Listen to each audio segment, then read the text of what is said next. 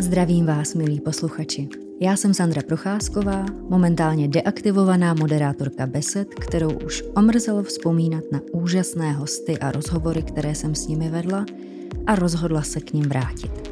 Tentokrát formou podcastu, který vzniká v rámci Dokumentum Institutu a bude otevírat témata, která podle mě rozhodně stojí za to. Milí posluchači a diváci, vítejte u dalšího dílu Vědárny. Mým dnešním hostem je absolvent práv na Karlově univerzitě a kriminologie na univerzitě v Cambridge. Působí jako výzkumný pracovník v Ústavu státu a práva Akademie věd. Věnuje se také popularizaci v rámci projektu Jak trestáme CZ, o němž určitě bude ještě řeč. Zabývá se například tím, jaké ukládáme tresty a vězeňstvím. Vítám eh, ve vědárně Jakuba Drápala. Děkuji za pozvání. Eh, začněme u toho, eh, jak jsem zmiňovala, že se věnujete výzkumu v oblasti práva v rámci Akademie věd, tak eh, když si like představí výzkumníka, vědeckého pracovníka, tak většinou si představí asi zkumavky, odebírání vzorků, analýzu vzorků, laboratoř. Tak jak vypadá váš vědecký výzkum? Tak já si myslím, že i oblast vědeckého výzkumu a to, jak vypadá, se proměňuje a dneska mnoho vědců uh, pracuje primárně s daty, které hmm. sbírá, takže i ti, kteří uh, někde ty data sbírají, tak pak je analyzují, používají k tomu často právě uh, sofistikované programy a my v tom nejsme odlišní, uh, takže většina mého dne spočívá v tom, že sedím u počítače uh, a programuji v, pro, uh, v jazyku R, v programu RStudio a máme spoustu dat, které nám poskytlo zejména Ministerstvo spravedlnosti, ale které jsme si třeba i sami sebrali a ty postupně analyzujeme, eh, kreslíme grafy, počítáme, dovozujeme z toho, něče, z toho něco. A to je ta první část. A druhá, která je uh, něco častější v té právní oblasti, je, uh, že toho spoustu čteme. Eh, takže eh, není to jenom o tom, že se snažíme na něco eh, přijít sami, ale zejména ty komplikované teorie už jsou diskutované v zahraničích minimálně desítky let, hmm. takže v každém odvětví nakonec člověk musí načíst ohromné množství již publikovaných věcí, aby se mohl posunout dál, aby nedělal něco, co už někdo udělal před ním. Mm-hmm. Pojďme naše povídání o právu jako takovém a o výzkumu práva začít otázkou, jak vůbec jako společnost kontrolujeme vztah mezi teorií a praxí, zrovna v oblasti práva. Mm-hmm. Uh, to je výborná otázka, protože často to moc neděláme. Uh, že často právníci se zaměří právě na tu teorii, třeba na tu normativní stránku, jak by to správně mělo fungovat. A historicky se právníci moc ani nezajímali tím, jak to reálně funguje a třeba kde jsou ty problémy, eh, takže třeba až v posledních letech se na právnických fakultách začínají zavádět kurzy metodologie, tedy jak správně zkoumat tu praxi. A eh, tedy eh, teprve jakmile zjistíme, co se děje v praxi, jak často se děje, co to způsobuje, že, se, že ta praxe se chová určitým způsobem, tak pak můžeme začít vůbec se bavit o vztahu teorie a praxe a zjišťovat, že některé eh, zákony sice jsou, zákony, eh, ale třeba soudci podle nich nepostupují nebo úředníci podle nich nepostupují, pak se musíme ptát, eh, proč tomu tak je, jestli to je, že to je často jednodušší že uh, pokud že je velmi jednoduché něco napsat do zákona, ale je horší uh, vymyslet to tak, aby to skutečně jednoduše v praxi fungovalo. Hmm. Uh, a pak se ještě zabýváme tím, jaké ty změny mohou třeba vést k tomu, že ta praxe se přiblíží blíže k té teorii.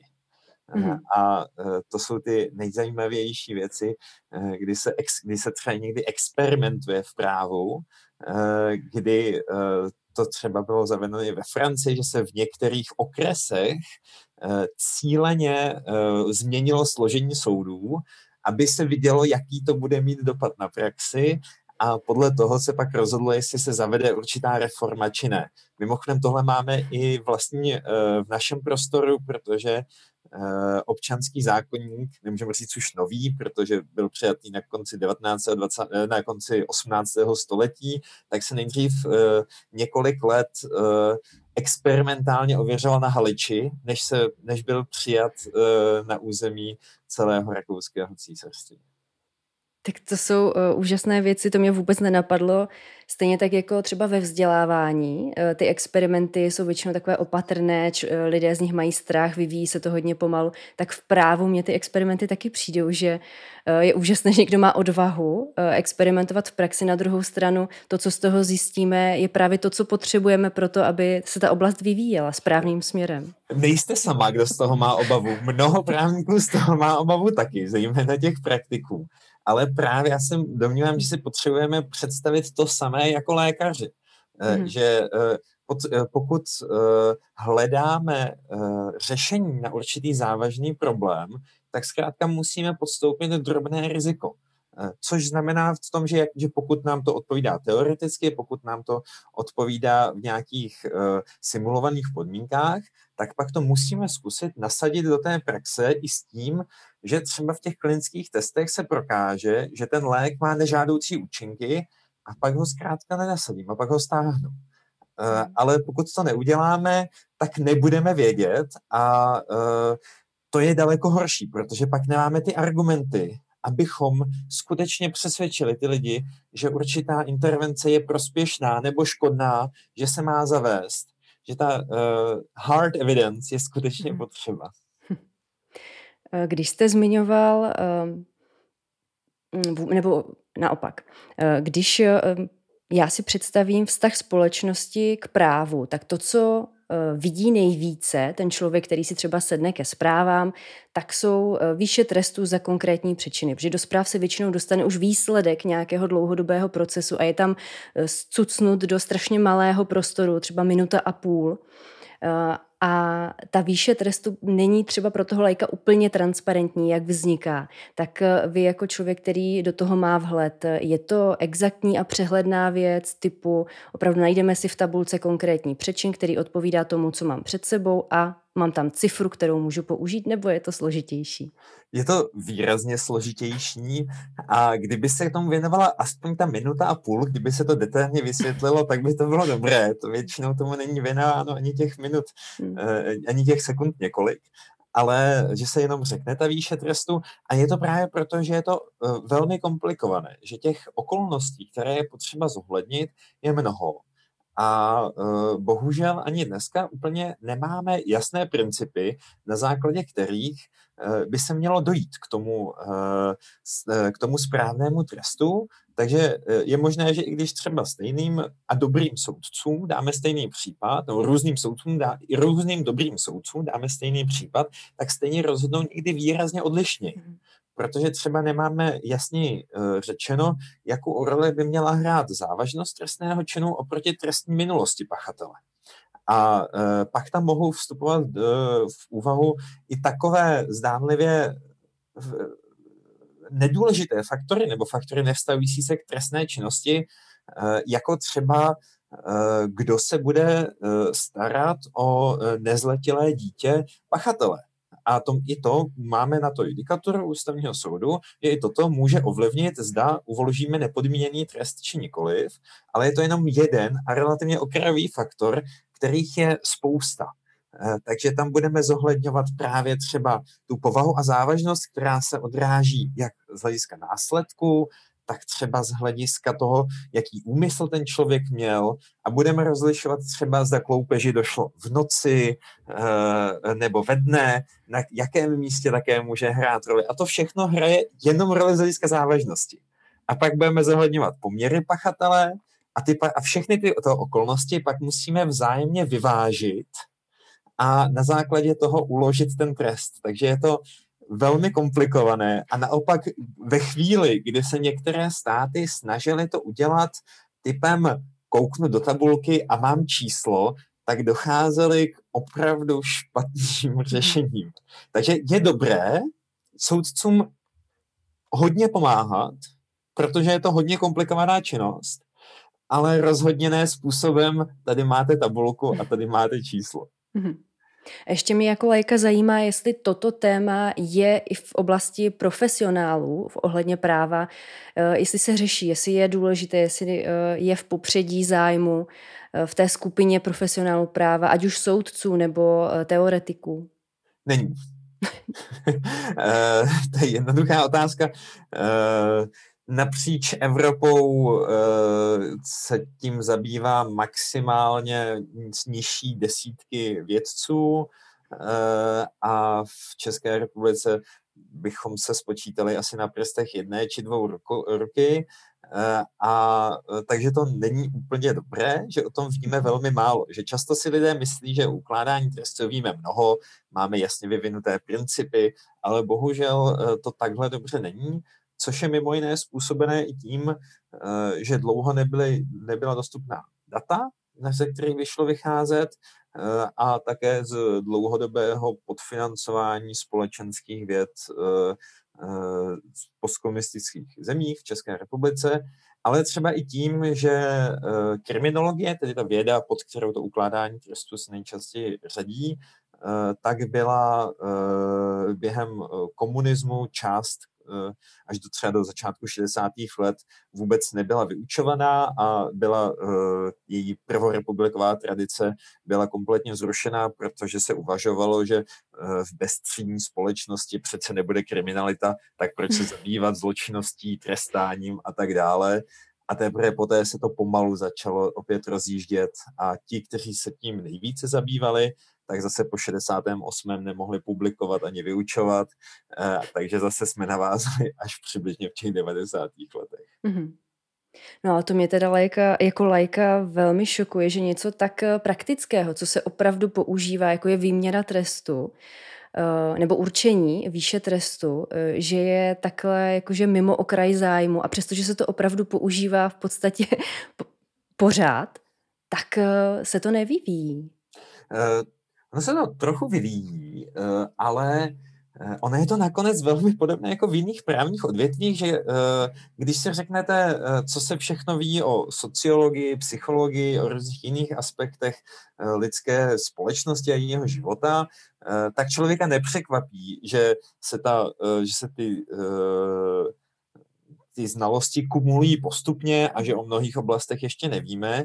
Nicméně právo to musíme používat každodenně bez ohledu na to, jestli uh, o tom víme dostatek či ne. Prostě hmm. musí, my dneska musíme ukládat tresty, ať už o tom víme dost nebo ne. A s postupem času se ty jednotlivé oblasti snažíme zlepšit a zlepšit, ale stále jakby ta uh, pozornost, kterou by, uh, kdyby se třeba věci na právnické fakultě měly detailně věnovat všem oborům, všem částem práva, které jsou v praxi, tak by ty právnické fakulty musely být výrazně větší a musely by mít výrazně větší zázemí a zkoumat výrazně více věcí. Mm-hmm. Takže eh, do určité míry se musíme smířit s tím, že to tak není, že to tak pravděpodobně nebude eh, a že mnohé odvětví práva budou neprobádaná, byť dopadají na každodenní životy lidí a je to trošku smutné, ale je to určitě specifikum té oblasti, mm-hmm. že o tom, jestli máme svobodnou vůli či nikoliv, o tom můžeme diskutovat, můžeme to zkoumat různými způsoby a budeme vědět, že možná budeme dál za 20 let, ale není to něco, co by ovlivnilo náš každodenní život. Mm-hmm. Když to, to, jakým způsobem uh, Uh, jaký způsob mělo zavedení elektronického platebního rozkazu na fungování soudů, tak to by bylo dobré vědět už dnes, abychom to třeba mohli zavést, abychom s tím mohli počítat. Ale takovýchto otázek je zkrátka spousta. Mm-hmm. Já ještě na chvilku zůstanu u té společenské recepce vyměřování trestů, protože, jak jsem zmiňovala toho občana, který sedí před televizí a během těch několika sekund dostane v podstatě informaci za takovýhle přečin, ten člověk dostal tolik a tolik let nebo měsíců, eh, tak vede se u nás vůbec nějak konstruktivně diskuze celospolečenská o tom, eh, jak vlastně trestáme, jak bychom měli trestat, jak se na to kdo dívá. Existuje něco takového? Příliš ne. Obecně se v posledních 30 letech byla snaha neposílat lidi do vězení, pokud to není vyloženě nutné. A když se podíváme na data z Rady Evropy, tak vidíme, že do vězení posíláme skutečně málo lidí. Například v Německu do vězení posílají dvakrát více lidí, vzhledem k populaci ve Švédsku dokonce čtyřikrát více lidí. Uh, nicméně uh, máme výrazně vyšší vězeňskou populaci než tyto dvě země a to proto, že u nás vězni tráví ve vězení výrazně delší dobu a nad tím se třeba ta diskuze zase tak příliš nevede a nevedla se. Takže třeba otázka, ale protože ta diskuze je taky výrazně náročnější a to jak na analýzu, tak i na tu teorii.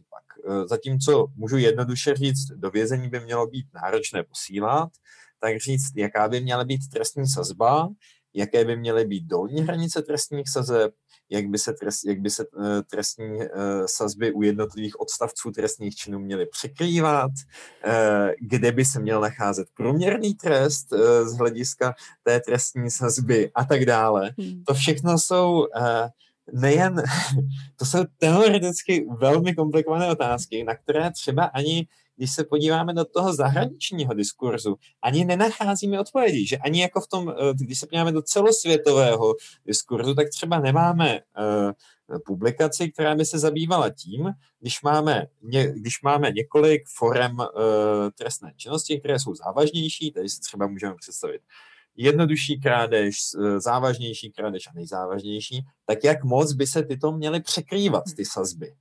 Nenajdeme článek, který by se zabýval tím, kde má být průměrný trest uh, uvnitř té sazby. Uh, a takže s tím vším je třeba v mnohem teprve přicházet, aby se ta diskuze mohla lépe vést. Uh, takže ona se z části nevede, z části, protože to není téma, které by bylo vnímané jako podstatné, z části, protože nemáme podklady, s kterými bychom ji mohli uh, dobře vést. Mm-hmm. To mě právě ta otázka teďka vrací k mému oblíbenému tématu, což je popularizace nebo vůbec komunikace odborníků se společností. Třeba právě v, v případu vědců je důležité, aby společnost věděla, co dělají, rozuměla tomu, proč je mají a jejich přínosu, že ten vztah je tam velmi důležitý. Tak pokud nemáme ta data a ta diskuze moc neběží, tak eh, se, ne, se nedivím, že potom třeba se obtížně hledá podpora nebo finance eh, pro některé oblasti, třeba společenských věd, kdy společnost nevytváří tlak na to, ano, těmto lidem prostě dejme peníze, protože je to pro nás důležité jako pro společnost. A je fakt, že ta pozornost se tříští do tolika směrů a každý den, když to přeženu, je prioritou trošku jiná oblast, ne vždycky to jsou vůbec humanitní vědy. A je to velmi složité tady ten vztah eh, budovat a ty diskuze udržovat na tolika sférách. Eh, je to tak a eh, zase já, já si myslím, že úplně nejde vyžadovat od, od řekněme, široké veřejnosti, aby chápala všechny aspekty toho, kde se dělá věda. Vzpomínám si, že v první půlce roku eh, jsme měli školení s eh, výbornou mladou eh, bioložkou, která nebyla schopná jednoduše sformulovat, co dělá, tak aby to veřejnost pochopila. A když teda přišla s nějakou definicí toho, co dělá, tak řekla, no ale když to řeknu takhle, tak se na mě uh, bude odborná veřejnost tvářit špatně, protože mhm. ví, že trochu kecám. uh, takže jako ta, uh, zase ta, společ, ta určitá nedo, nedotaženost těch společenských věd má tu výhodu, že můžeme říct, my se zabýváme relativně základními otázkami, které ještě nikdo neřešil, ale vysvětlovat uh, vel, uh, například proč člověk se v biologii nebo v podobných vědách zabývá něčím velmi detailním a, k, hm. a snažit se říct, k čemu to bude, zejména když se jedná o základní výzkum, uh, tak, uh, tak, je, tak je náročné. Mhm. A uh, tak. Mm-hmm. Což uh, mě vrací k tomu, že si velmi vážím vůbec popularizátorů, kteří to zkoušejí a nějak uh, navenek uh, prezentují, ať už to jsou samo, sami vědci, anebo je to člověk třeba novinář, který je poučeným lajkem a investuje spoustu, spoustu energie do toho, aby třeba některé zajímavé výzkumy společnosti trošku přežvíkal. To určitě. Uh, to uh, třeba uh, Pavel Jungwirth a jeho kovová voda či podobné výzkumy, to, uh, tak snad i v tom právu se něco takového jednou za čas naskytne. Teď se vrátím k nějakým datům, když jsem mhm. nás odvedla trošku do sféry mimo data. Eh, do sféry úvah. Tak pojďme k tomu, jestli máme nějaká data k otázce, jak výše trestu ovlivňuje míru recidivy, protože pro lajka opět eh, je tam nějaká přímá úměra v tom zjednodušeném pohledu. Tak je to tak opravdu v praxi? Mhm. Tak, eh, tam si to musíme rozdělit na několik mechanismů, kterými ta výše trestu může ovlivnit recidivu. První je takové to, verze, takové to ta představa, že uh, přísnější trest ovlivní uh, trestnou činnost ostatní. Takže uvidí, někdo dostane přísný trest a ostatní uvidí a zaleknou se a budou to dělat. Uh, tam víme, že určitý vztah je, ale že, že je nejspíše malý. Uh, a jde si to představit uh, třeba tak, že uh, těch kroků, které musíte udělat, aby vás skutečně odradilo třeba zvýšení trestních sazeb, je relativně hodně. Když vy pácháte trestnou činnost, tak za A si nemyslíte, že vás chytí. A e, pokud si nemyslím, že mě chytí, e, tak mě ani výše trestu příliš neodradí. E, poté jsem přesvědčen, no musím být přesvědčen o tom, že nemusím být schopen vůbec kontrolovat své jednání. Pokud nějaké jednání dělám v afektu, tak mi asi taky příliš eh, výše trestu neodradí. Eh, pak už když mě chytí, tak musím být přesvědčen, že mě odsoudí a že mi uloží trest a že ten trest bude přísnější. A plus ještě já se musím dozvědět o tom, že došlo k tomu zpřísnění trestu. Eh, víte, kdy došlo eh, třeba k nějakému zvýšení trestních sazeb v poslední době v České republice? O jakého trestného činu? Vůbec netuším, u žádného. No, mhm. no došlo, ale, ale to je vidět, že i když se zvýší ta trestní sazba, tak ani relativně jako eh, od veřejnosti, která se zajímá o mhm. společnost a sleduje zprávy, jak předpokládám, tak si člověk to nevybaví. No a jakou to, to, to, to pak bude, jakou to může hrát roli? A uh, třeba stejně tak víme, že je uh, silnější, že člověk silněji reaguje na uh, na to, že si mysl, když ten trest přijde rychleji. Já to rád ukazuju na příkladu kofely, protože to je moje oblíbená sladkost a když vím, že když zbaštím dvě kofily teďka, takže a když to takhle budu dělat dlouho, tak za půl, tři čtvrtě roku se něco projeví, eh, tak mě to tolik nestresuje, jako kdybych eh, dostal alergickou reakci, která přijde hned. Mm-hmm. A takže zase pokud teďka můžu dostat nějaké naplnění svých potřeb, když něco ukradnu, když něco spáchám, když něco udělám, tak, tak tu, to uspokojení mám hned, když to ten případný trest by často přišel až za nějakou delší dobu. Mm-hmm. A tak. A to je jako jenom taková jako určitá teorie, že uh, vysvětlení, proč tam nějaký vztah mezi výší trestů eh, a tím odrazením veřejné populace existuje, ale je relativně slabý. Uh, pak se můžeme bavit třeba o tom, jak silná je inkapacitace. To je princip, že pošleme toho člověka do lochu a on v tom lochu nemůže moc páchat trestnou činnost. Eh, a, eh, nebo aspoň nemůže ji páchat eh, vně vězeňských zdí.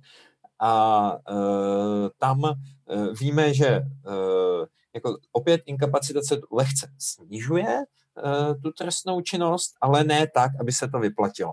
Eh, že eh, zase ty třeba ty náklady na vězněné osoby a ty dopady na životy a na společnost je často vyšší než ty eh, takzvané slev, než, ty, než ta kriminalita, která se předejde. Hmm. Nebo to tak aspoň vypadá z těch zahraničních výzkumů, že toto je ten závěr. No a naposledy se ptáme, jak na to zareagujete, zareaguje ten pachatel, tedy jaký ten bude mít ten vliv na toho pachatele. Jestli následně bude páchat trestnou činnost či ne. A tam se eh, kriminologické výzkumy lehce posunují. Čím kvalitnější se stávají, eh, tím eh, více říkají, že příliš nezáleží na druhu trestu. Že z hlediska následné recidívy to vypadá, že zas tak moc nezáleží na tom, jestli uložím nepodmíněný či jiný trest. A jenom proč je to náročné detailně říct, uh, člověk, kterého pošlu do vězení, je jiný, než člověk, kterého do vězení nepošlu. Přece ten soudce z nějakého důvodu toho člověka do vězení pošle. Eh, ať už jakým způsobem jedná, jak závažnou trestnou činnost spáchal, jakou má zkušenosti v životě a tak dále.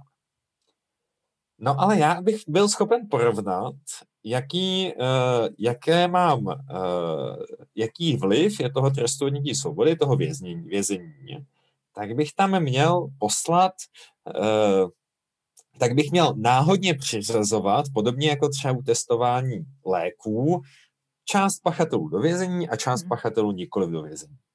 Eh, je to eticky přijatelné, je to eticky odůvodnitelné, ale e, protože soudci jsou jednou z nejkonzervativnějších částí společnosti, tak toto bylo realizované asi ve třech nebo čtyřech případech napříč světem. Takže se hledají různé jiné způsoby, jak bychom mohli také tu kauzalitu dokázat a ty jsou více či méně spolehlivé eh, a ty ukazují, že příliš nehraje roli, jestli pošleme do vězení či ne. A to jsme teprve o druhu trestu. A teprve teď se dostávám k vaší otázce. Jak výše trestu ovlivňuje recidivu. A to je ještě v něčem trochu víc náročnější na zkoumání.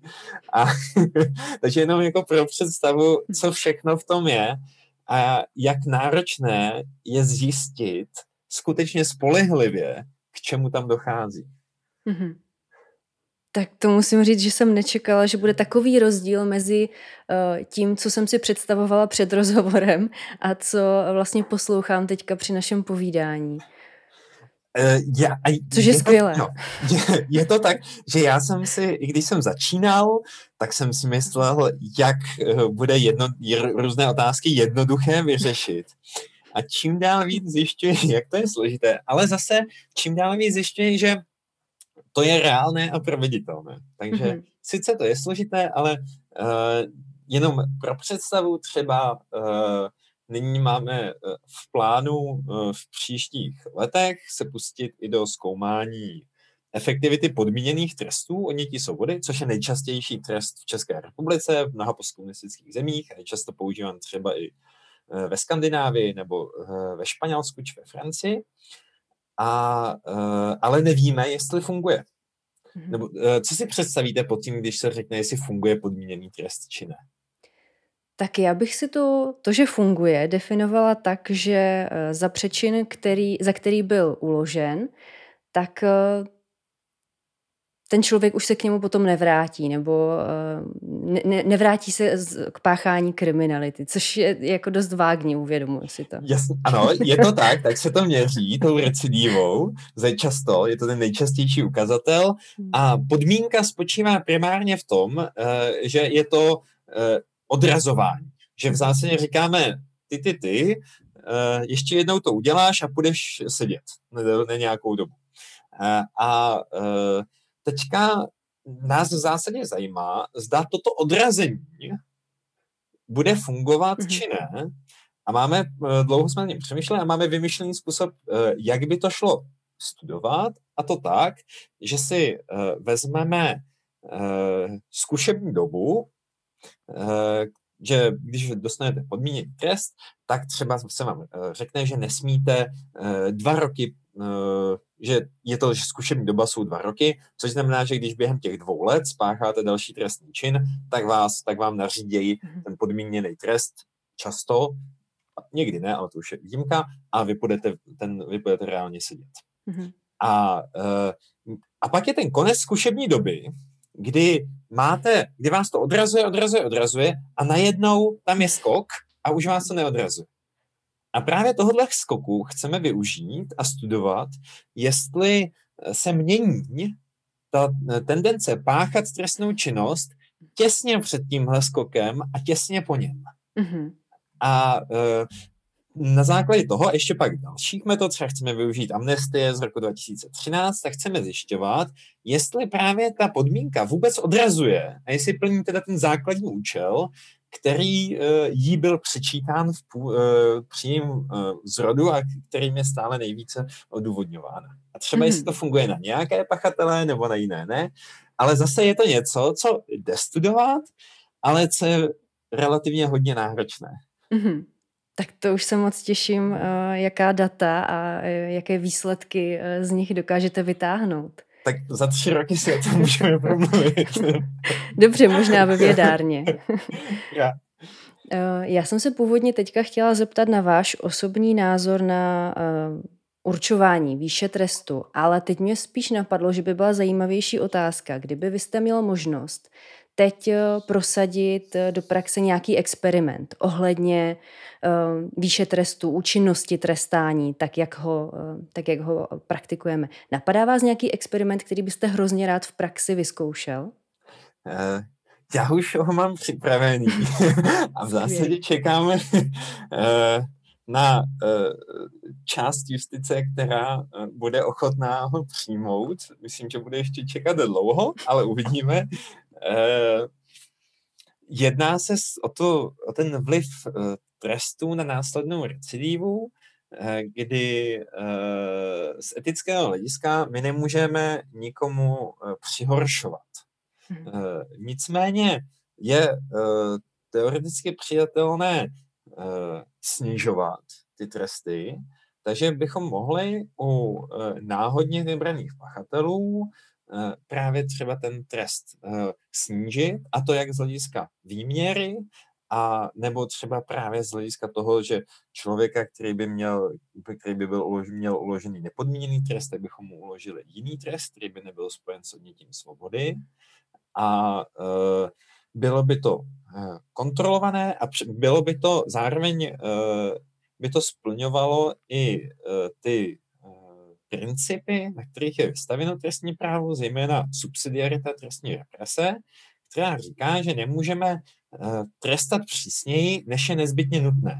Mm-hmm. No ale pokud my nevíme, co funguje a co ne, tak nevíme, co to znamená to nezbytně nutné. Mm-hmm. Takže v zásadě my můžeme vyzkoušet, že dáme trochu míň a budeme zjišťovat, za to dojde ke ke stejným výsledkům či nikoliv.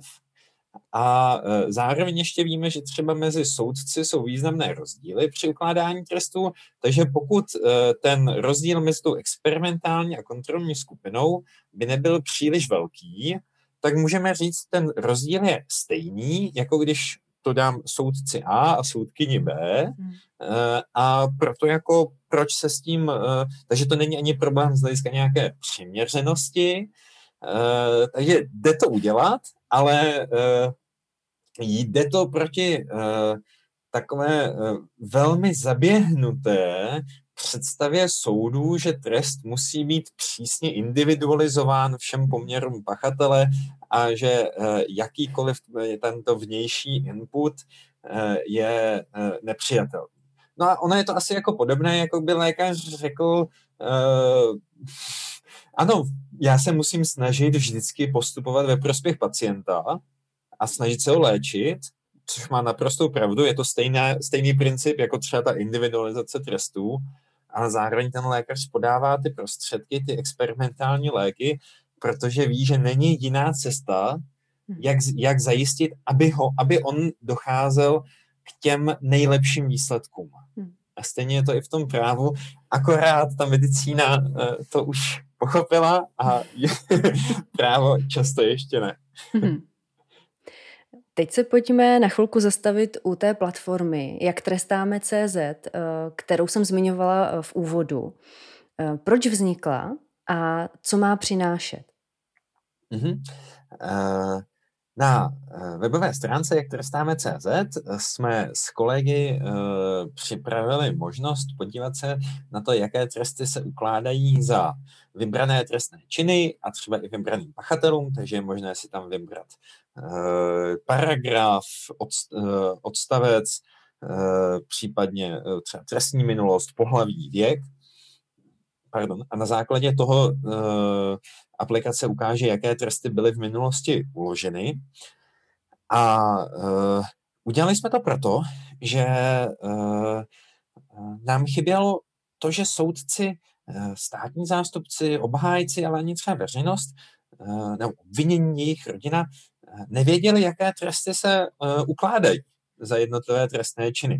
A to je jeden ze základních východisek toho, Eh, aby rozhodování mohlo být konzistentní. Pokud nevím, jak rozhodní ostatní, no tak nemůžu být konzistentní.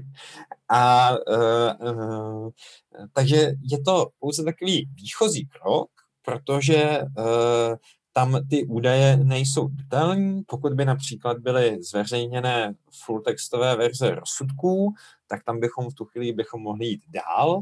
Eh, to by bylo ještě výrazně zajímavější. Snad eh, od roku 2022 se začnou zveřejňovat všechny rozsudky. Eh, a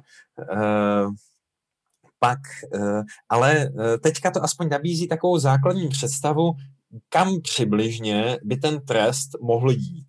Eh, takže pokud se podívám, eh, vyberu si určitý trestný čin a vidím, že například nad 42 měsíců se to ukládá pouze velmi výjimečně, tak můžu počítat, že pokud můj případ není výrazně závažnější než ostatní, takže nad těch 42 bych se neměl dostat eh, a může nad tím přemýšlet právě i ta třeba mít takovou základní orientaci, jak ten státní zástupce, když navrhuje trest, tak soudce, když přemýšlí, jaký trest by uložil, tak třeba i ten obviněný nebo jeho rodina, když přemýšlejí, eh, co může hrozit.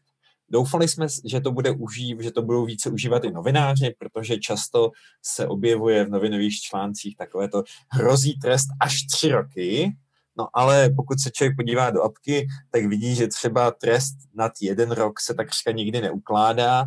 No a pak zase se vracíme i k tomu, eh, kdo vzdělává tu veřejnost, kdy to často jsou ti novináři a co ji před, před, eh, představují.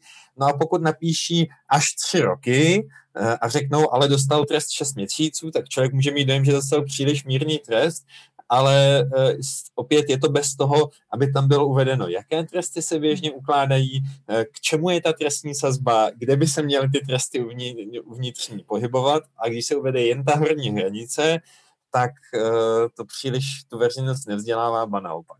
Mm-hmm. Takže i k tomu měla ta apka fungovat, jednou za čas se používá, jednou za čas ne, jednou za čas se zneužívá, což mě taky trošku mrzí. Protože uh, ta apka by se neměla použít k tomu, uh, k jednoduchým soudům. Myslím, co si představíte pod trestným činem pomluva? Co by hmm. se tak mohlo stát jedná? Hmm. No, tak eh, rozhodně bych posuzovala hlavně tu míru škody, která se stala na základě nějakého tvrzení pomluvy, hmm. teda tomu pomluvenému. A teďka jaká, jak, jaká to, teďka vůbec, my ani nevíme, jaká ta tvrzení, jako co se, a jaké škody se pod tím stávají, eh, jaká tvrzení, eh, na koho se tím útočí, kdo na koho útočí.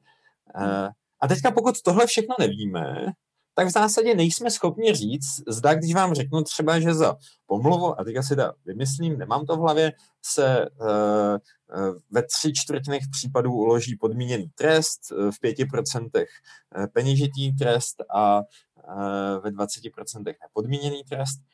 Je to málo? Je to hmm. hodně?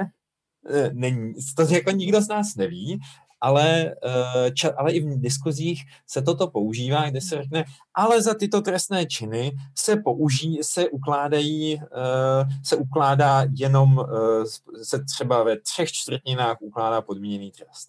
Ale ta reakce je za A, my jsme to na ten web psali, že takhle se to nemá používat, tak proč to tak používáte? A druhá, tohle tu veřejnou diskuzi pouze ničí. Mm-hmm. Protože, vy tím, protože se tím vytváří dojem, že se trestá nějak, aniž by se reálně vědělo, zda, jak se reálně trestá a za to je přísné či mírné, aby si lidi mohli udělat vlastní názor na to. Hmm. Protože teprve pokud víme, že když se vás, že když se obecně veřejnosti zeptám, zda trestáme příliš přísně či mírně, tak řeknou, že příliš mírně. Hmm. Ale nicméně pokud vám představím konkrétní případ, tak vy rozhodnete mírněji, než jak jste rozhodla, než jak byste řekla obecně. Hmm. Takže někdy řeknu, jak se má trestat vražda, tak člověk rozhodne jinak, než když ukládá trest skutečnému vrahovi. a e, často e, e, pak veřejnost rozhodne stejně jako ti soudci a v některých případech se ukázat došlo, že přísněji, ale v některých dokonce i mírněji než ti soudci. Mm-hmm. E, takže ten rozdíl právě mezi tím, zda se zbavím o tom, zda, disku, zda, zda dostatečně přísně trestám určitou trestnou činnost, a mezi tím, když se bavím, tady mám tenhle případ, nebo tady mám třeba zobecněnou tuhle skupinu případů a pojďme se bavit, jestli je u nich správný, abychom je trestali těmahle trestama, tak to je ohromný. A mm-hmm. tam se to někdy trošku zneužívá a mě to pak vadí. To jsme zase u, nebo my ne, ale u nás v rozhovorech často narážíme právě na práci s daty. Na to, eh, ať už z nevědomosti nebo z lenosti, eh, lidé občas eh, pracují s daty tak, jak se jim to zrovna hodí, nebo schválně pomíjejí některé um, některé mechanismy. A pak jsou ti, kteří to dělají schválně, aby manipulovali a aby prokázali svůj, svoje stanovisko, daty, ale pracují s nimi nesprávně, což je prostě peklo. No. Je to tak. Pojďme teďka trošičku mm, se ještě věnovat eh, kriminologii, protože já hmm. jsem přišla k tomu právu a trošku jsem zametla tu kriminologii, což je eh, úžasně zajímavá i pro lajky eh, oblast. Vy jste ji navíc studoval v Anglii, na Cambridge. Tak mě nejdřív zajímá ta cesta vůbec ke kriminologii, k tomu rozhodnutí, ano, rozšířím si svoji odbornost právě o kriminologii a proč právě v Anglii. Mm-hmm. Uh, tak ten, ten můj zájem o kriminologii, o oblast, nejdřív o oblast toho trestního systému, uh, vzešel uh, z, ze zážitku na střední škole, kdy jsem šel jako volební komisař Eh, do pankrátské věznice se spolužáky ze střední školy. Řekli jsme si, eh, podíváme se do věznice, jinak se tam nedostaneme, než když jako, pokud bychom nespáchali trestnou činnost. Ale eh, a pak jsem šel na právnickou fakultu a rok později máme přednášku o volebním právu a, a teďka já slyším to přednášku o volebním právu a říkám si, no takhle to rozhodně v té věznici neprobíhalo. a, e, a pak tak jsem zašel za tím vyučujícím, začali jsme se o tom bavit a tak vznikl můj první článek, e, že jsme společně napsali o tom, jaké jsou problémy s volebním právem vězňů e, a že ve vězení to ne vždycky úplně probíhá tak, jak by mělo. A tohle mě přivedlo k zájmu o vězeňství, o oblast trestního práva a právě na ten rozpor mezi teorií a praxí. A právě kriminologie je tou vědou, která se zabývá právě kriminalitou, trestáním, vězeňstvím a tou zkoumáním té praxe. A tak jsem absolvoval přednášky v Praze, eh, něco jsem si četl, eh, ale věděl jsem, že eh, pokud to chci dělat detailněji, což mě zajímalo, tak musím jít do zahraničí na ty nejlepší univerzity, abych, získ, abych zjistil to, co se v angličtině označuje jako cutting edge. Jako to, co se aktuálně teďka ví, co je to to nejmodernější, co, jako se, co je to to nejlepší. Eh, no a tak eh, s žádnými malými cíly jsem, jsem přihlásil na Oxford a na Cambridge a eh, nakonec jsem se rozhodl pro Cambridge. Je to takový, je to trošku menší městečko než Oxford, ten Oxford už je takový velký moc a mě mají tam špičkové centrum věnující se právě vězeňství, které mě v tu chvíli nejvíce zajímalo. A přišel jsem tam, tak jak i to přijímací řízení, tak schánění eh, financí bylo něčem náročné, ale pomo- nakonec se povedlo a uh, uh, šel jsem tam právě, abych zjistil, abych to mohl pak dobře dál dělat, eh, tu oblast. Abych jako dostal takovou jako nalejvárnu v průběhu jednoho roku, co je teda jako to, co se v té kriminologii ví, co se zkoumá, co se, teď, co se ještě neví a uh, přesně k tomu to sloužilo. Mě to nadchlo, zjistil jsem, jaký jsou další oblasti, které by mě zajímaly uh, dělat, takže jsem trošku se začal víc zajímat ukládáním trestů než vězeňstvím, než výkonem trestů a to mi od té uh, doby uh, zůstalo. Mm-hmm. A těm, co třeba zvažují, že půjdou část svého studia vykonat do zahraničí nebo prostě se poohlížejí tady po té možnosti, stojí to podle vás za to, za všechny ty třeba trable s financemi, Stojí za to mít tak vysoké cíle? Naprosto. Je to, ať už z hlediska toho, co člověk se naučí, to, co pozná, v té kriminologii je to ještě něco podstatnější, že uh, třeba u nás se kriminologie neučí jako samostatný studijní program. Mm-hmm. Uh, takže uh, u nás máme právníky, sociologii, psychologii, adiktologii, sociální pracovníky, ale nemáme kriminology, kteří to vystudovali, takže u nás se často člověk kriminologem stává že se postupně eh, a postupně zjišťuje ty poznatky z jiných oborů, ale právě když člověk jde někam, kde se to učí, tak ty poznatky ze všech těch oborů najednou v té oblasti dostane. Takže už proto je to zajímavé. Eh, jít na perfektně fungující výzkumnou instituci člověka přinutí jinak fungovat. Eh, mě by asi příliš nenapadlo eh, na českých školách, že třeba budu se dva dny připravovat na 1,5 hodinový seminář.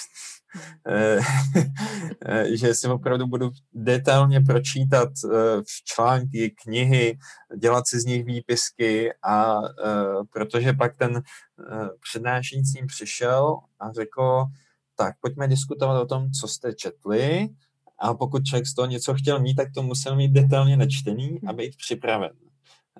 A zase bylo to tak, že jsme třeba, když jsme měli kurz o vězeňství, tak ho vedla uh, profesorka, která je v současnosti asi nejlepší na tuto otázku na světě a její zástupce a byli tam oba naraz a bylo nás tam 8 až 10 studentů.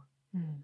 Takže uh, to bylo neskutečně uh, intenzivní a osobní a, mož- a ta možnost se dál posunout, uh, ta možnost diskutovat o všem, Mm, byla výrazně větší, než na co je třeba člověk eh, v České republice zvyklý.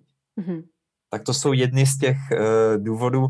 A pak samozřejmě ty, myslím si, že tyhle jako takové ty nejvýznamnější výzkumné instituce mají strašně nefér výhodu, uh, a to v tom, že tam se sjíží lidi z celého světa. Uh, a i ty zajímavý. Takže tam jsme měli každý týden přednášky tuhle od výborného profesora z Austrálie, tamhle z Ameriky, tamhle ze Skotska, tamhle z Nizozemí. Uh, a, ale to je jenom proto, že se tam ti lidé sjíždějí. Uh, ale to, to není, ale to je trošku, mám dojem, nefér výhoda, kterou zkrátka ty jako jiné instituce ne, nemohou jen tak, jen tak vyvážit, ale zase je to tak, že když tam člověk je, tak od těch lidí, o kterých jenom tak vidí ty knihy, a tak najednou je pozná a může si s nimi popovídat nad sklenkou vína a může, si se, a může se trochu seznámit a pak, když něco potřebuje, tak jim prostě napíše. Uh, tamhle jsme se potkali před dvouma lety, mám dotaz, uh, co si o tom myslíte? A mhm. oni často pomůžou. Takže i tohle pak člověku v tom dalším profesním vývoji eh, výrazně, no více či méně pomáhá. Mm-hmm. Jak jste popisoval tu přípravu, dlouhou přípravu a intenzivní na ten jeden seminář, tak mě napadlo, jestli jejich přístup k výuce eh, je více aktivizační, aspoň to tak teda zní eh, pro mě jako zvenku, než třeba v Česku, kde tím, že máme obrovské studijní skupiny nebo třídy obecně, eh, tak ta pasivita je tam větší, protože i v tom přístupu ještě nejsme tak eh, dobří v té aktivizaci k samostudiu, k účasti na projektech, eh, práci v týmu a tak dále. Z části. Mm-hmm. Z mhm. části určitě. Eh, z části je to tím, že mají menší, menší méně studentů. V rámci kriminologie tam byly dvě, dva, dvě zaměření a bylo nás celkem 35 takže eh, i v rámci toho pak jde pracovat výrazně více individuálně. Eh, možná na tom institutu bylo víc víc výzkumníků než studentů, takže opět to je něco, co umožňuje výrazně lepší eh, práci se studenty.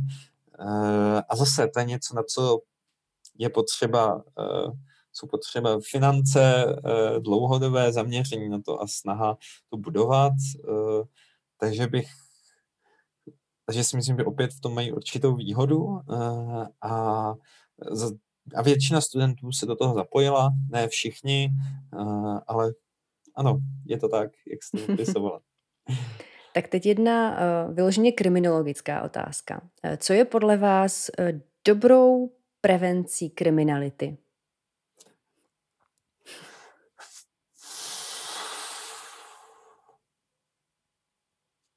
To je to je těžká otázka. Ona zní jednoduše, ale ona trošku předpokládá, že kriminalita je jeden jev. Mm-hmm. Ale uh, a i to je otázka, která se dlouhodobě jako baví v kriminologii.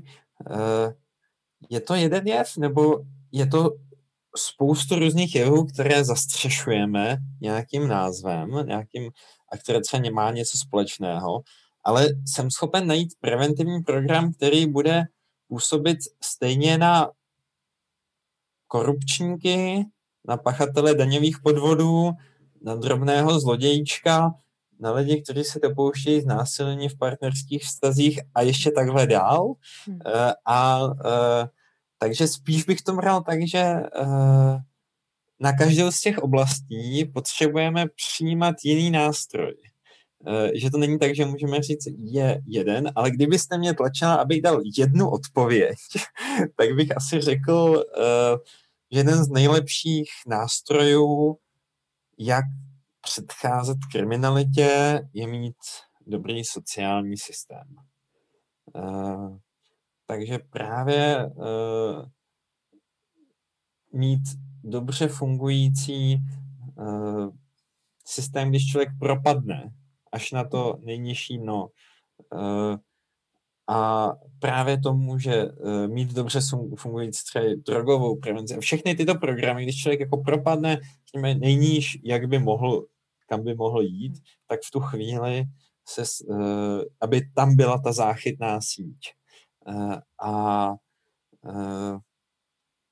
k tomu se třeba v dnešní z české společnosti je třeba velkým problém, že nemáme dobře uh, uh, dobře fungující postpenitenciární péči, takže když je člověk, který je ve, ve vězení, je propuštěn, mm. uh, tak uh, se o něj často nikdo nepostará. Mm. Uh, a jdeš ven, dáme ti uh, uh, tisíc dva, možná a zařiď se. A když tak si jde jako to vyřídit na úřad práce sám, je sobota, no tak. Eh, eh, takže eh, v tom třeba byl jeden z těch problémů, když byla amnestie v roce 2013, že člověk by čekal, že když bude amnestie, takže bude spojena s tím, že už toho 1. ledna budou otevřené úřady práce a všichni se budou snažit jim pomoct. No ale o státním svátku, že by úřad práce otevřel. A, eh, a teďka jako někdo byl nečekaně propuštěn v Kraťasech prvního první. Eh, tak eh, co? tak takže tam jako si člověk říká, že pokud tyhle základní věci nejsou nastavený, tak je někde problém. Mm-hmm. Ale pak těch různých individuálních uh, programů ve vězení pro lidi jezdící pod, uh, jezdící uh, auto, uh, pod vlivem, uh, pro pachatele násilných trestných činů, tak ty všechny existují, takže, ale to už by bylo výčet jednotlivých opatření. Mm-hmm. Já jsem vůbec překvapená, že jste um, že, že jste vůbec dal aspoň jednu, eh, jednu jako konkrétní odpověď, protože já, když jsem se na tu otázku dívala, tak si říkám, tak mě vůbec nenapadá, jako jestli eh, jak vůbec na to, když si člověk představí, jak náročná je prevence v podstatě ve všech oblastech, kde můžeme mít nějakou prevenci, a jak je to pořád terčem, nebo jak pořád je to v experimentální fázi, ať už třeba u toho zdraví, jak jsme zmiňovali ty lékaře, tak prevence spousty věcí je na nějakých eh, doporučeních, kde v podstatě sami ještě nemáme vyhodnoceno, která z nich eh, pro kterého konkrétního člověka platí, neplatí. E, jako, problém. Na jednu stranu ano, na druhou stranu myslím, mnoho jako těch preventivních opatření jsou relativně jako jednoduché a že je můžeme jako i každý dělat. Uh, stejně jako máme zámek na dveřích uh, a zamykáme dveře, byť v některých společnostech to nedělají, protože mám určitý úzus, tak třeba by asi mělo být spíš standardem, že budeme mít dvoufázové ověření e-mailu, uh, a zase je to taky jako, je to o tom se to naučit, je to jednoduché, ale a počítá se to mezi prevenci a dneska je kyberkriminalita e, všude a právě e-mail je často jednou z, jednou z těch e, míst, kam e, si schraňujeme všechny, no, kam nám chodí různá hesla, když zapomeneme někde jinde mm-hmm. na jiných službách. No a mít tam dvoufázové ověření už pomalu měl být standard, ale přesto to většina lidí nemá a takže i tohle může být takové jednoduché preventivní opatření. Mm. Uh, takže těch, nakonec těch preventivních opatření, které lze dělat i v každodenním životě, uh, je spousta. Mm. Takže stačí, uh, ale spíš se právě pak zaměří na tu, například té každé oblasti kriminality, mm. ale že nenajdeme běžně jako ten, že si řekneme, co bude předcházet celé té kriminalitě. Mm.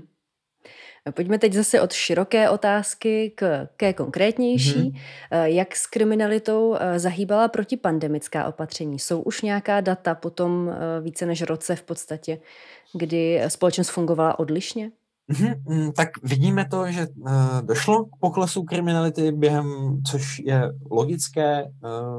Zejm, pokud se lidé méně pohybují, pokud mají eh, možnost chodit méně pryč, pokud se ne, nemají pohybovat mezi okresy, eh, pokud nemají chodit vně katastru své obce, eh, tak opět to omezí páchání trestné činnosti.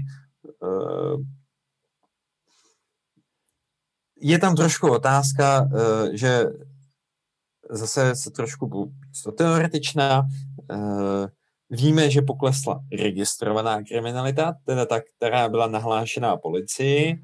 Eh, nakolik eh, došlo k poklesu eh, celkové kriminality, tam často nevíme, protože takzvanou latentní kriminalitu, teda ta, která nebyla nahlášena policii, mhm. tak o té víme často velmi málo, což je logické. A teď je otázka, jak třeba počítat kyberkriminalitu, a zda právě třeba nedocházelo během uh, pandemických, uh, během pandemie uh, třeba k větší šikaně nebo k výrazně více nebo k, k vyššímu výskytu tý, té kybernetické kriminality. Určitá, zaznamenal jsem pravděpodobně uh, z výzkumu ze Sociologického ústavu Akademie věd, Eh, vyplynula třeba větší incidence eh, domácího násilí, mm. což zase je v něčem logické, pokud lidé zůstávají více doma, tak eh, a ještě tam dochází k vyšší frustraci, mm. tak, že bude k tomuto jevu docházet. Ale obecně taková ta běžná, zejména ta majetková krádeže, tak k tomu, k tomu docházelo méně. Což mhm. zase, jako pokud si představím jako jednu z častých krádeží v, v Praze na IP Pavlova, nej, jeden z nejrušnějších bodů v Praze, kde se nejvíce tak, je, také krade, tak pokud tam nejsou lidi, pokud tam není ten dav, ve kterém je jednodušší se ztratit, tak je také náročnější krást, plus to mohlo omezit i třeba výskyt různých třeba gangů, kapsářů, které se, které se třeba pohybují po Evropě. Jak měly být zavřené hranice, tak mhm. toto tak jednoduše nešlo. Teď odskočím úplně mimo zatím ta vážná témata, která jsme probírali, protože eh, když jsem eh, nedávno eh, viděla upoutávku na nějaký kriminální seriál, tak mě napadlo, že je úžasné zeptat se podstatě profesionála, kriminologa, jak se dívá na tenhle ten žánr, ať už v knížkách, ve filmech a tak. Uh, tam hodně záleží na tom, co. Uh, osobně třeba mám velmi rád případy prvního oddělení, a velmi se těším na to, že jsem rád, že oznámili, že bude natáčena i třetí řada. a, ale to je právě proto, že na tom, uh, že na scénáři uh, pracoval uh, policista, kriminalista, který uh, dlouhou dobu, asi 30 let, policie působil uh, a uh, takže tam nejen, že se postupuje i v tom seriálu, řekněme v nějakých 90-95% mhm. podle trestního řádu, takže i takže reálně člověk je ví, jak se postupuje, tak tam jsou i takové problémy stylu uh, tenhle měsíc jsme vyčerpali kvótu na benzín, tak je veřejnou dopravou a ne autem. A uh, takže je to něco, co přibližuje tu realitu a to si myslím, že je výborné. A ještě to dělá jako super podobou. A uh, pak ale zároveň víme, že uh, ty nevhodně, nevhodné seriály mohou mít dopad na, i na rozhodování soudců, nebo třeba porod spíš, kdy víme, že ve Spojených státech se objevuje takzvaný CSI efekt, mm-hmm. že chtějí, aby teda ten stát dokázal výrazně víc ten určitý skutek. No, mhm. protože když třeba mám fotku, no tak ji určitě jsem schopen přiblížit a v odlesku oka zjistit, kdo stál na druhé straně místnosti.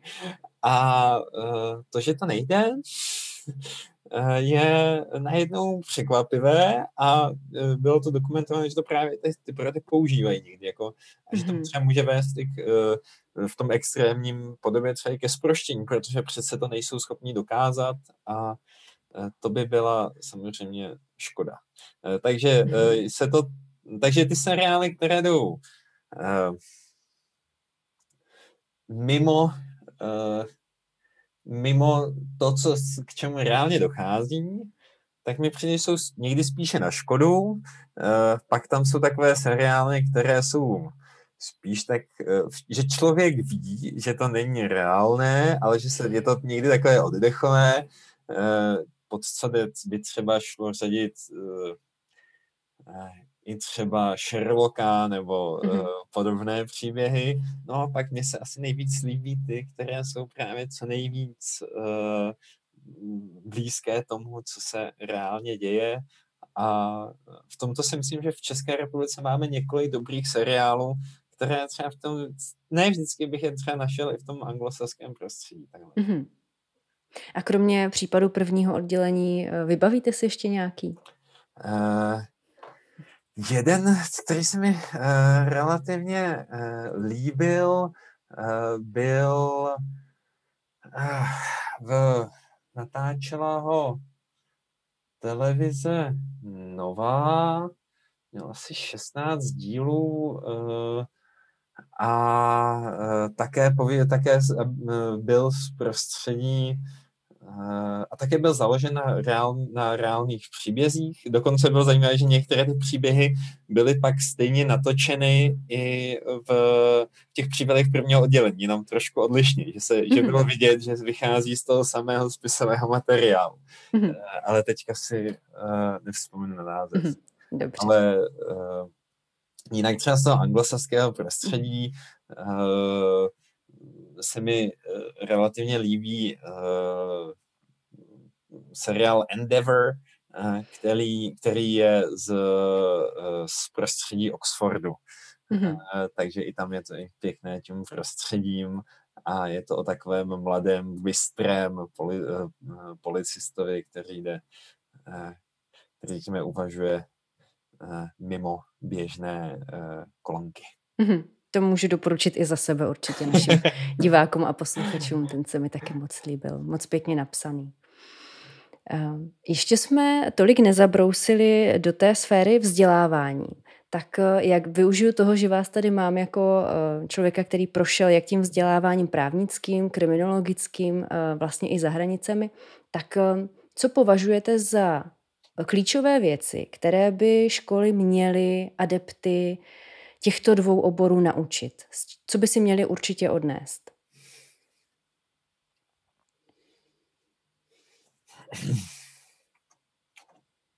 Tak uh asi takovým základem by mělo být měl být určitý, určitý určité penzum znalostí, protože bez toho se orientovat nejde. A poté bych řekl schopnost přemýšlet v daném oboru. Takže schopnost přemýšlet jako právník nebo jako kriminolog, uh, což uh, v mnohem obnáší uh,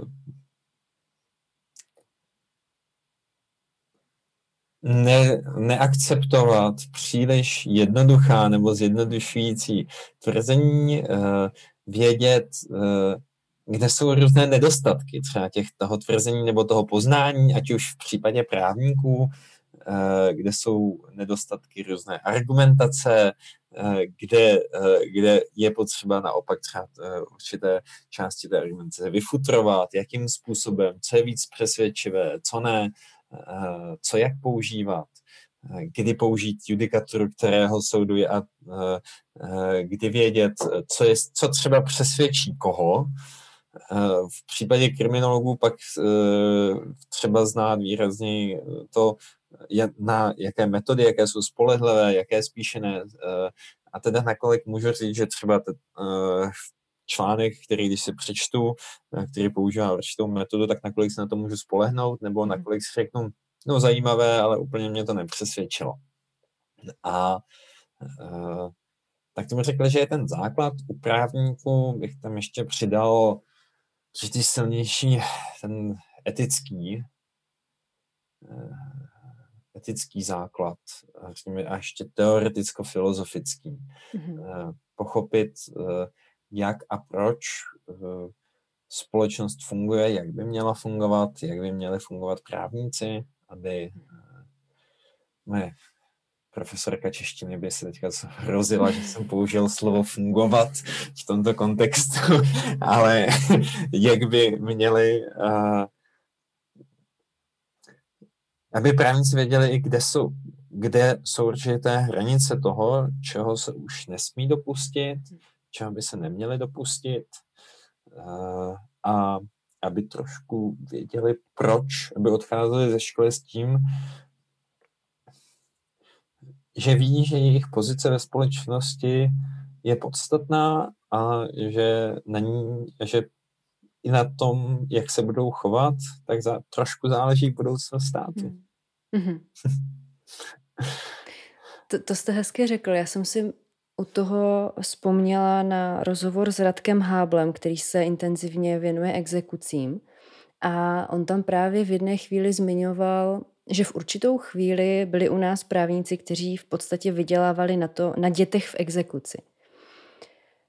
Což jsem si už řekla, jestli opravdu všechno, co není zakázáno, je dovoleno. A jestli by to takhle mělo být. Eh, čistě z toho etického hlediska si myslím, že ta odpověď je prostě jiná, než jakou umožňuje systém.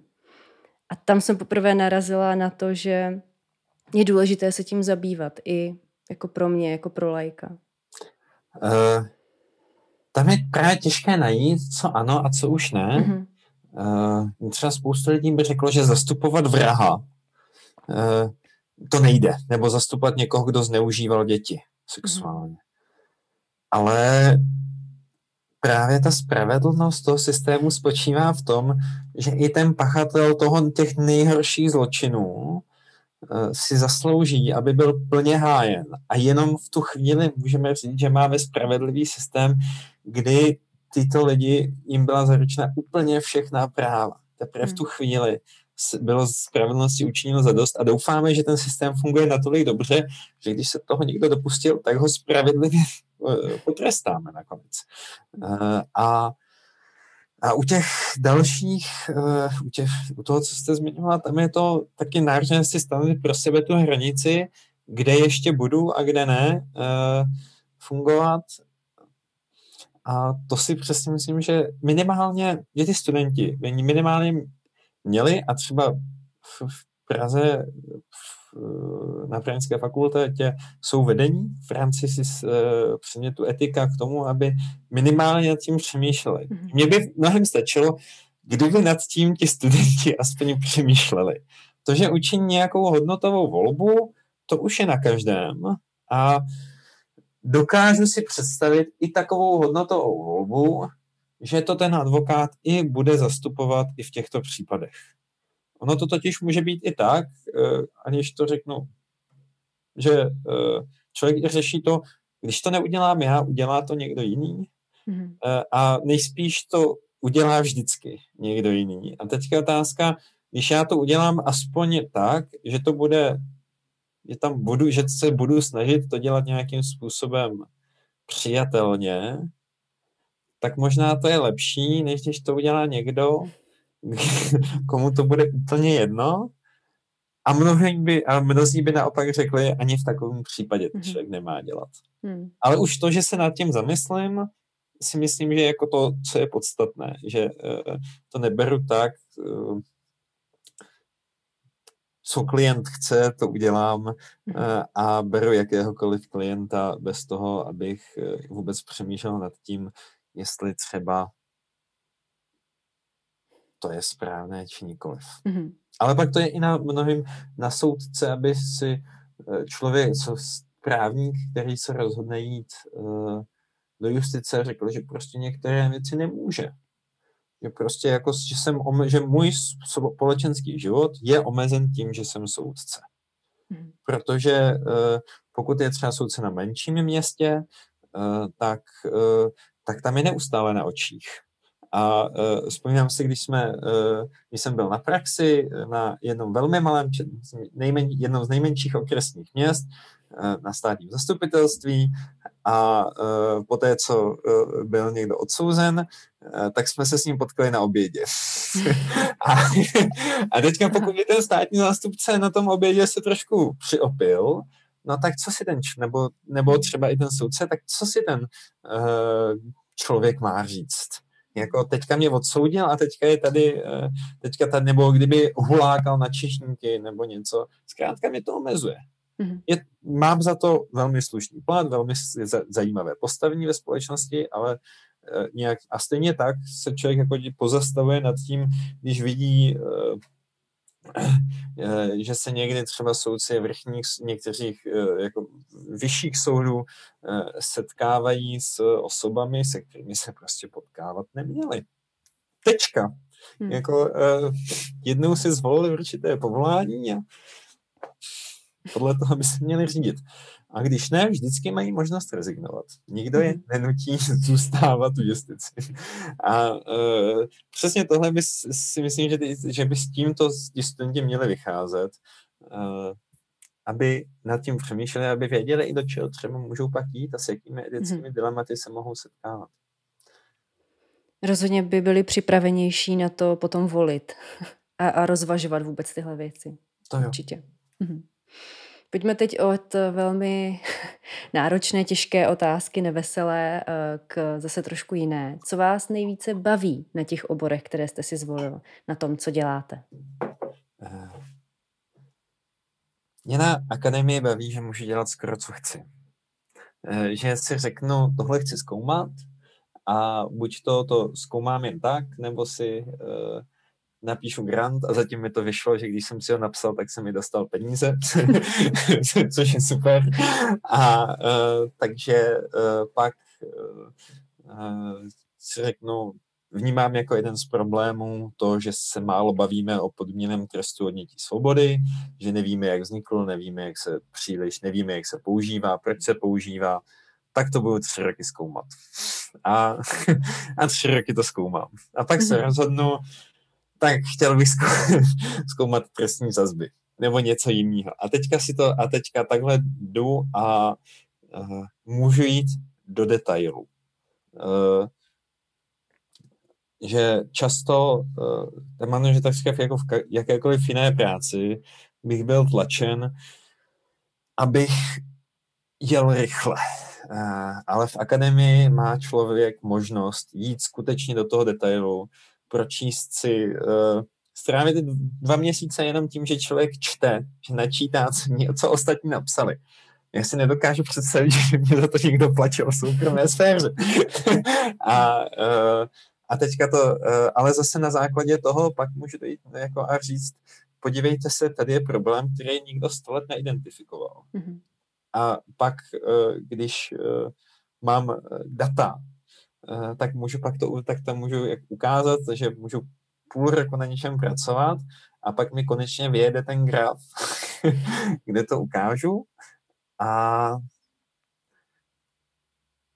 a to je ten moment, na který se něčím těším, jak malý kluk. že, že člověk, to jsem myslel, že rok a, že eh, šest let jsem scháněl jeden dataset, vyjednával, aby mi ho dali. Rok jsem ho zpracovával a pak konečně člověk dostane ten obrázek s tím, jak si, tak to je hustý. a, a najednou jako ví, to je úplně jinak, než jak se o tom diskutuje. Mm-hmm. A, a, a to bude zajímavý. a všechny tyhle věci. A tak si říkám, jako jo, to je super. A tohle mě na tom baví. A má to spoustu nevýhod taky, ale uh, tohle je... A třeba v těch společenských videách jedna z nevýhod je, že uh, já mám moc rád právě Pavla Jungwirta, který jsem zmiňoval, uh, a Pavel, který se, se pohybuje v přírodních vědách, chemie, fyzika, tak mluví o tom, že věda je někdy až nemravně krásná, já mu to někdy až trošku závidím, protože uh, to jsou ty přírodní vědy. Uh, ale v těch společenských a třeba zejména v té kriminologii člověk vidí utrpení lidí. Člověk najednou jako vidí, že uh, jenom proto, že někdo něco nepromyslel, tak spoustu lidí bylo zbytečně dlouho ve vězení. To není něco, co pro mě je nemravně krásný. Jako naopak je to někdy až tak znechucující. A uh, moje oblíbená profesorka vězeňství z Cambridge říkala, že jsem se jí ptal, jak se pozná dobrý výzkumník. Ona říkala, no, z mý zkušenosti lidi, kteří chápají, jak funguje vězení, tak říděj rychleji, víc chlastají a poslouchej se drsnější muziku. Eh, eh, no tady tohle trošku ten vliv má, eh, takže v něčem je to výborný, v něčem člověk poznává tu realitu, ale na rozdíl od těch přírodních věd, někdy ty společenské vědy ukazují i na tu mizérii lidskou. Mm-hmm. Tak eh, když si odmyslím ten konec, tak eh, jste vlastně dal dohromady nádherných pár minut reklamy na své obory a vůbec reklamy na práci vědce. To mi přišlo úplně úžasný. Uh, to si myslím, že by klidně mohli používat vysoké školy při náboru, že by to bylo možná lepší než eh, takové ty uh, umělohmotné obrázky šťastných studentů. tak, tak já nebudu zmiňovat ty nedostatky. ne, my to tam potřebujeme, jinak by ten rozhovor taky vypadal umělohmotně, jako ty agenturní obrázky. Hmm, pojďme teď k tomu, co eh, vás ještě dneska po všech těch zkušenostech, co máte a se vším tím vhledem, který máte, co vás dokáže nadzvednout nebo naštvat, ať už eh, v oblasti uh, vaší expertízy nebo ve společnosti obecně? Já myslím, že jsem ještě relativně mladý, takže já myslím, že ještě mě, ještě jako to není tak, že by byl vyhořelej, nebo že, uh, ještě to, ten určitý bouřlivák ve mně existuje, uh, takže těch věcí, co mě nadzvedne, je víc častěji. Uh, tak uh, ať už v té akademii, uh, kdy člověk má dojem, že některé procesy úplně nefungují tak, jak by měly, což je zase, mnoho z nich je způsobeno tím, Eh, podfinancováním a nutností toho působit na buď to v praxi nebo na několika eh, institucích a podobně. Eh, některé ne, a to člověka ještě víc nezvedne. Naopak v praxi těch věcí je spousta, určitě jako taková bezohlednost k právnímu státu je asi to, co mě nadzvedne nejvíc, mhm. když ministr zdravotnictví před několika měsíci ohlásil, uh, já vím, že to bude proti právu, ale já to udělám stejně. Oni si to pak, pak nám to ten soud zruší, tak co? tak, uh, um, tak si člověk říká, jako i to, že to říká, je škoda a spoustu těch drobností. Dneska jsme se bavili se spolužákem o tom, že se od 1. září změnilo, kolik lidí může sedět u stolu, ale že o tom nikdo vůbec neví. A že to nikdo nedodržuje, neví, že to nikdo nevymáhá, že to nikdo nedodržuje, ale stejně to nařízení je. Takže takový to uh, uvědomění si, že uh, možná bych měl spíš vymáhat pár základních, uh, které jsou skutečně odůvodněné, než dělat detailní seznamy něčeho, hmm. uh, co nikoho stejně nebude zajímat. Uh, a těch věcí to by šlo jít dál a dál, co člověka nadzvedne. Uh, privatizace bytů na Praze 1, dnes již bývalému ministru zdravotnictví, kdy jako bydlí někde jinde, má vysoké příjmy a stejně má potřebu. Lhát, eh, když eh, eh, privatizuje, aby, aby měl svůj velký majetek ještě větší, tak všechny tyhle věci, které člověk jednou za čas vidí skoro všude okolo sebe, tak to člověka nadzvedává, ale, ale zároveň si asi vybuduje určitou určitou hroší kůži, že už jako že bez toho asi nejde fungovat. Nejdřív hroší kůži a pak, pak možná to vyhoření, ale to je jenom, když má smůlu. Eh, pojďme ještě, než se rozloučíme s našimi diváky na YouTube, eh, zmínit dvě věci eh, a to, co považujete za nejvýraznější pokrok v právu za poslední dobu a co zůstává podle vás výraznou slabinou našeho českého právního systému. Nejvýznamnější pokrok. Tak asi jeden z těch podstatných, eh, je to sice už více než 20 eh, let, ale to, jakým způsobem eh, funguje takzvaná 106, zákon o svobodném přístupu k informacím, to si myslím, že je pro dobře fungující občanskou společnost uh, zásadní. Uh, a stejně tak třeba dobře fungující nejvyšší správní soud, uh, který právě je ten, který rozhoduje a o, často o aktech státu, o tom, jestli tak to je jedna z těch věcí, která mi přijde, že se povedla, že stále funguje, že ovlivňuje to, jakým způsobem se bavíme eh, i v, naší, v našem státu.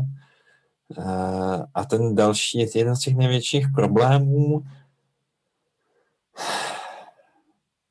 Tam eh, bych asi řekl to, že právě víme velmi málo často o praxi. Že a nemáme navržené dobré principy, jak by se některé oblasti měly změnit. Takže zároveň ta znalost praxe a zároveň vybudování těch uh, silných teoretických základů, aby se pak dokázal najít jako ten zákon, dobře napsat, tak to mi chybí, třeba mi to chybí v oblasti stavebního řízení. Mm-hmm. Že by se zase je to oblast, se kterou se setkává velká část občanů a stejně ani nevíme, ne, těch empirických studií na to, jaké jsou ty důvody, proč eh, a jak eh, dochází k těm průtahům, kde jsou ty problémy, tak těch máme málo a stejně tak nemáme jasně řečené, jak by teda mělo fungovat v českém kontextu dobře stavební řízení. No a dokud jako, to jsem se trochu snažil ukázat na tom na té diskuzi o ukládání trestů, dokud nemám jasně vybudovanou tu teoretickou základnu, tak je daleko náročnější přijít a dobře napsat a analyzované ty problémy současnosti, tak je daleko náročnější přijít a napsat ten zákon tak, aby skutečně dobře fungoval. A uh, takže to, to je asi pár věcí, co mě teďka napadá. Mm-hmm. Úplně na závěr první části rozhovoru eh, klasická otázka pro všechny hosty vědárny. Kdybyste si mohl objednat vynález, anebo se zeptat na nějakou otázku a věděl byste, že dostanete odpověď, tak na co byste se zeptal, nebo co byste si objednal? Uh, tak já to rozdělím, jestli můžu. Mm-hmm. První je v oboru svém, kriminologie tam, by mě, tam bych opravdu rád věděl, jaký je vliv uvěznění na různé skupiny pachatelů z hlediska recí a dalších ukazatelů. Mm-hmm. To je ta kriminální. Z hlediska práva by mě asi zajímalo to stavební právo, tedy uh, jak správně nastavit stavební řízení, aby, aby fungovalo dobře. Ve vědě obecně jsem tím přemýšlel, protože tu otázku jsem od vás dostal a hodně dlouho jsem nad tím přemýšlel eh, a tak bych to rozdělil na znalost a na vynálezy. Eh, ve znalosti eh, mě hodně zajímá, co je předurčeno geneticky a co sociálně mm-hmm. z našeho jednání, které části našeho jednání, případně ale to už je spíš pak na teologii, co obsahuje duše člověka. ale to už je a z hlediska nějakého vynálezu, tak uh, já se těším na Tokamak, uh, na kterým Aha. pracuji na Akademii věd. Takže eh, tento bych si tak objednal. Mhm. to jste se jako jeden z mála držel v hranicích možného, v podstatě s tím vynálezem, to je super tak, uh, tak bylo by hezký jako, jako teleportace, ale i vím, že na tom i na tom pracují na akademii, ale já bych se spokojil s tímto kamakem. Tam máme šanci se toho dožít. S tím teleportem nevím, jestli Přesně. je to úplně v, naší, eh, v našem horizontu. Já vám pro teď moc děkuji za eh, vaše povídání a vaše odpovědi a e, ti z vás, kteří s námi chcete zůstat ještě o chvilku déle, tak zaměřte na Patreon vědárny. Děkujeme za pozornost. Děkuji. Za celý tým Dokumentum Institutu děkuji vám všem, kteří jste doposlouchali nebo dokoukali až sem a strávili s námi svůj čas. Budu moc ráda, když mi prostřednictvím sítí Dokumentum Institutu napíšete, jak se vám vědárna líbila, čeho byste chtěli více, čeho méně, na jakého hosta byste se rádi podívali nebo kterého byste chtěli ve vědárně slyšet.